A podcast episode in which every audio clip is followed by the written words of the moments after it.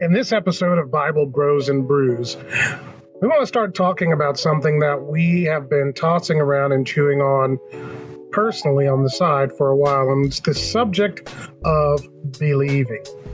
We want to talk about what is it that we are supposed to believe, why it matters, and ultimately answer the question for ourselves and ultimately you for yourself. Do you believe? That's next on this episode of Bible Bros and Brew.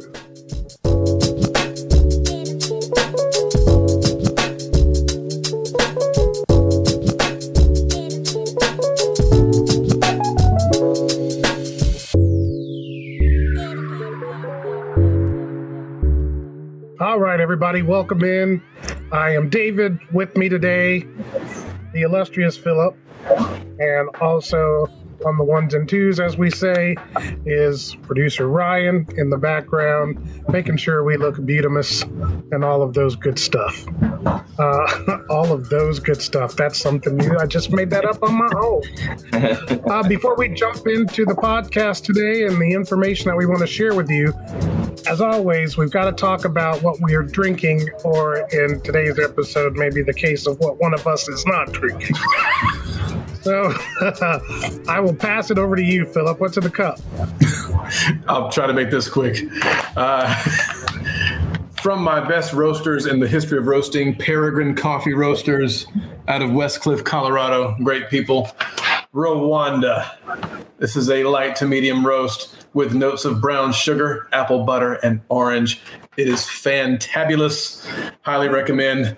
Whoever wants some good coffee, log on to peregrineroasters.com and check it out. Nice. I feel like you have a um, deep-seated relationship with the folks at Peregrine that is being coffee at this point. Uh, They may view it as one sided, but that's okay. well, I'm sure as long as you continue to buy in the quantities that you do, it's two-sided. hey, what up, you too, buddy? Want a bag? Twelve ninety-five. Right. How about for you, Ryan? Um, today I am brewing up some Boom Chicka Pop popcorn. What? Yes. It is a nice roast of sweet and salty kettle corn. So I love this stuff. It's very It's really good, though, for sure. And as if the whole show didn't go off the rails at that moment, I have no coffee today. I left the cup upstairs, and I'm not going back up to get it right now. Uh, but I do have a lovely bottle of water. So Yes. home brewed water. brewed, brewed in nature. This is a judgment oh. free zone, so we're all good. Sometimes. Sometimes. All right. So today we want to kind of start a conversation in a bit of a new series of episodes where we talk about the subject of believing. And I think the place to start is in the book of John. And so in the book of John, if you, not the book of John, but yeah, the book of John, chapter 6, of that book.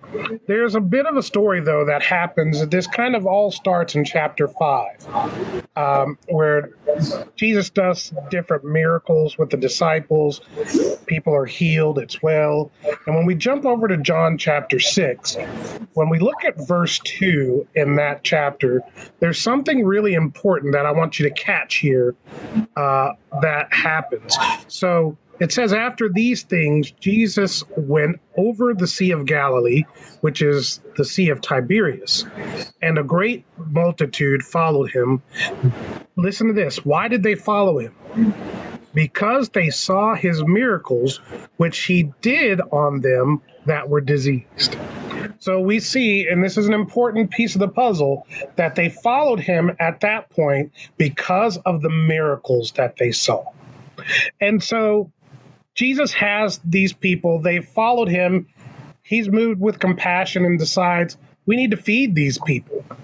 And so he turns to Philip and says, Philip, how are we going to feed these people? And Philip says, 200 penny worth of bread and a couple of loaves, you know, is not enough to feed them. And somebody says, well, there's a lad here and he has some fish, but that's not going to be enough. And so Jesus gives the instruction to have the people sit down. And when he sits down, he takes the bread, he takes the fish, he blesses it before God, and then he goes about dispersing the food.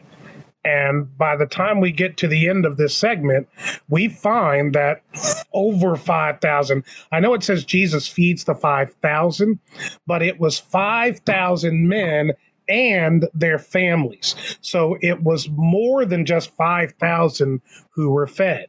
And so this miracle happens, everybody eats and they're full. And so the people kind of go away, and then the disciples go down and jump in a boat to cross over to the other side while Jesus has gone away by himself to pray. And so we see that the disciples now are out in the middle of the ocean. Uh, well, not out of the mo- ocean, but out in the sea. And the winds and stuff start blowing pretty heavily. And then all of a sudden, they see Jesus walking out on the water. Now, mind you, this is the second miracle, the third miracle that we're talking about in these first several verses. They saw him healing people. He feeds the 5,000, and now the disciples specifically see Jesus walking on water. They're first afraid, they think it's a ghost coming across the water. Then, when they see that it's Jesus, the Bible says that they welcomed him into the boat with joy. And then it says something that I think most people completely miss. And it says, and immediately they were at the shore. So that means that they were somewhere out in the sea. Jesus gets in the boat, and then immediately they're back to land again with the boat. So that's a fourth miracle that Yeah. they see. Now, the people who were over on the other side, who had been fe- fed the day before, are looking for Jesus. And they knew the disciples went across, but they knew Jesus didn't go across with them, but they assumed somehow he got over there. And so they get in boats and they go over to the other side where they find Jesus. And if you jump into uh, just a little bit back there, Ryan, in verse 24, I think it is, or 23. It says in verse 23, uh, I'm going to say, start with 24. When the people therefore saw that Jesus was not there, neither his disciples, they also took shipping and came to Capernaum seeking for Jesus. And when they had found him on the other side of the sea, they said unto him, Rabbi, when camest thou hither? And Jesus answered them and said, Verily, verily, or truly, truly, I say unto you, it's not because you saw the miracles, but because you did eat the loaves and were filled that you followed me as the implication, right? So remember in chapter verse 2, they followed because they saw the miracles. But Jesus says this time you're not following because you saw the miracles, you're following because your belly was full.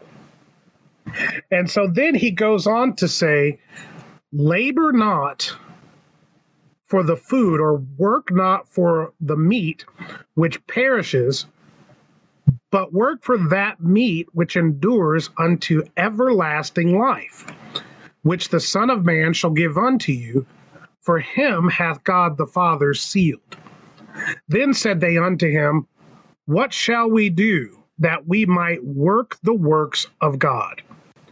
And Jesus answered and said unto them, This is the work of God, that you believe on him whom he hath sent. Period, point blank, hands down. We always talk, Philip, about, you know, this concept, first of all, of works and how people feel like there's a checklist that they have to do in order to be accepted, to order to feel like they're worthy. But Jesus kind of knocks it out of the park here and says, don't work for food, but work for that which doesn't perish, work for eternal life. And so there's like, cool, we want eternal life. What should we do? Again, the people were asking for something to check off. What can we do? And Jesus says, Your work is to believe. And specifically, believe on him that God has sent. I think that's amazing. And that scripture by itself is really the crux of all of this to me. Yeah. What's your thought? Absolutely. And just as you were saying that, the thought came to me every single thing that Jesus did in his ministry, the miracles that happened, they were all done by faith. Uh, right.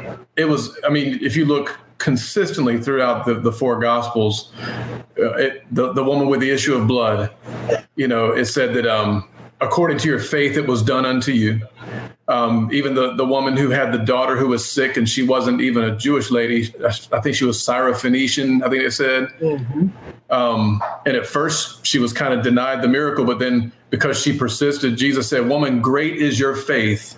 Your daughter will be healed. Same thing with the centurion in Mark 5.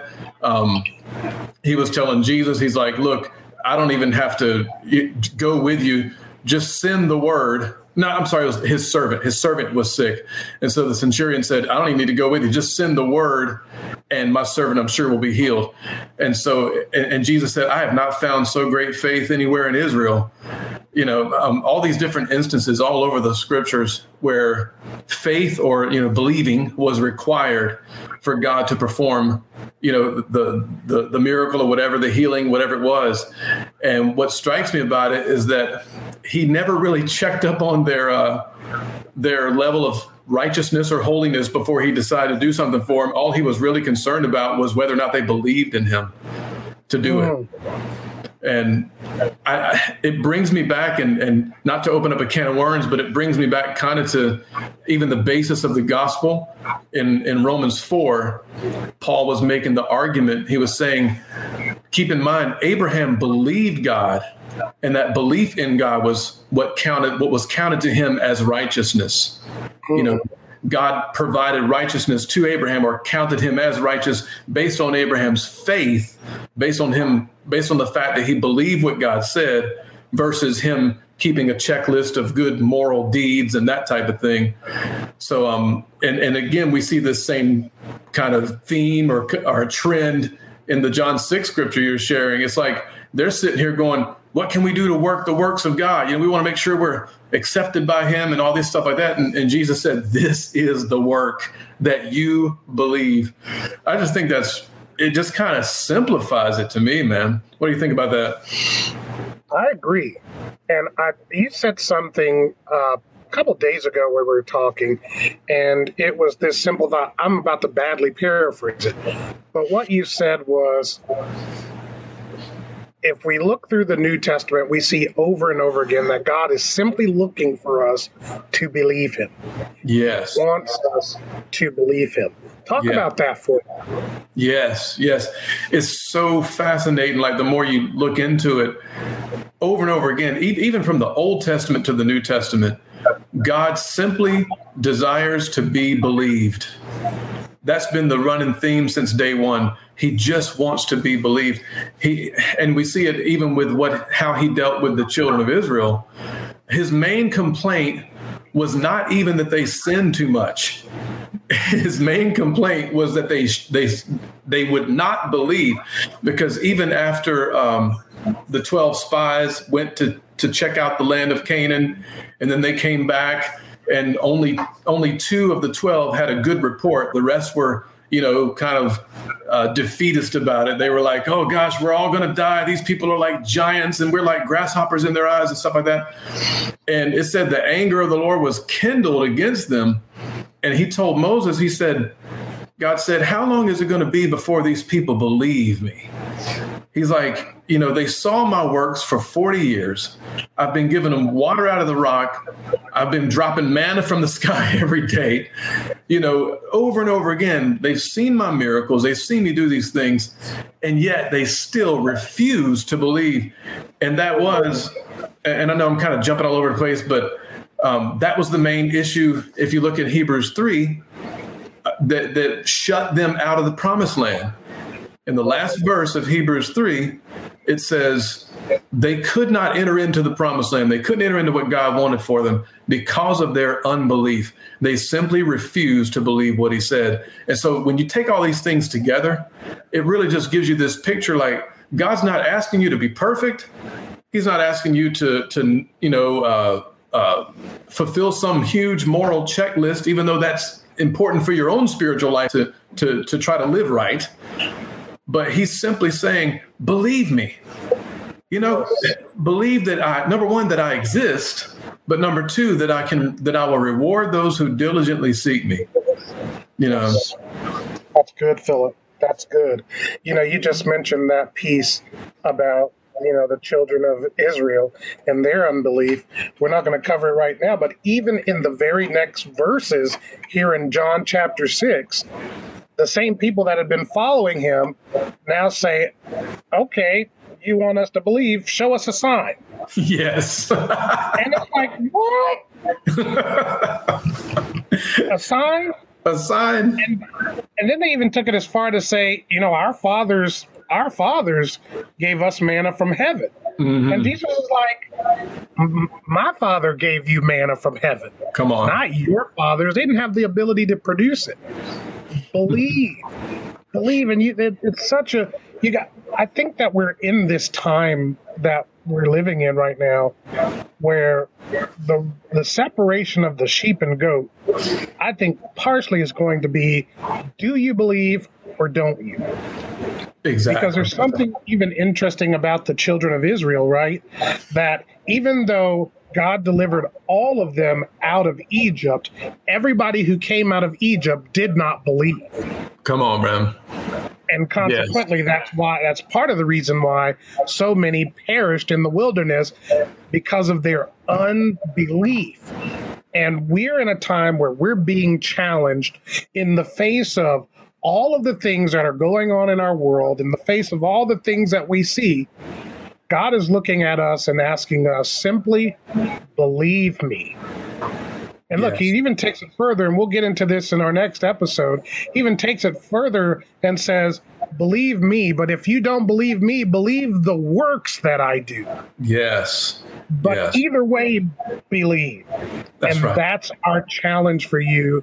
And that's what we're going to be talking about and encouraging you regarding over the next couple of episodes of Bible Bros and Brew. Philip, any parting shots before we get out of here today? Um, just just to say that when we even talk about believe or refer to believe, it simply means to accept something as true. Yes. You know, to accept something as true. And so when we talk about specifically believing God's word, it means I I see what God says and I accept it as true for me. You know, and um, I, I just wanted to throw that out there just as something to chew on for the next episode as well. I think that's the perfect way to end this particular episode. All right, everybody, we're glad you joined us. I know this is a quick one, but that's all right. It's enough to get you chewing and going as we prepare even more for you. Remember, you can always connect with us by going to foundationsgrp.com to find out about some of our small groups. And you can connect with us at BibleBros.net. And then, as always, if you have some feedback or questions that you want us to tackle for you, you can put a comment right here on this platform, or you can email us at gotbrew at biblebros.net. All right, until next time, I'm David, Philip, and Ryan. Have a great evening. And hey, go get something in your cup. Have some coffee there. Enjoy life. Relax. It's going to be okay. Till next time. See you guys.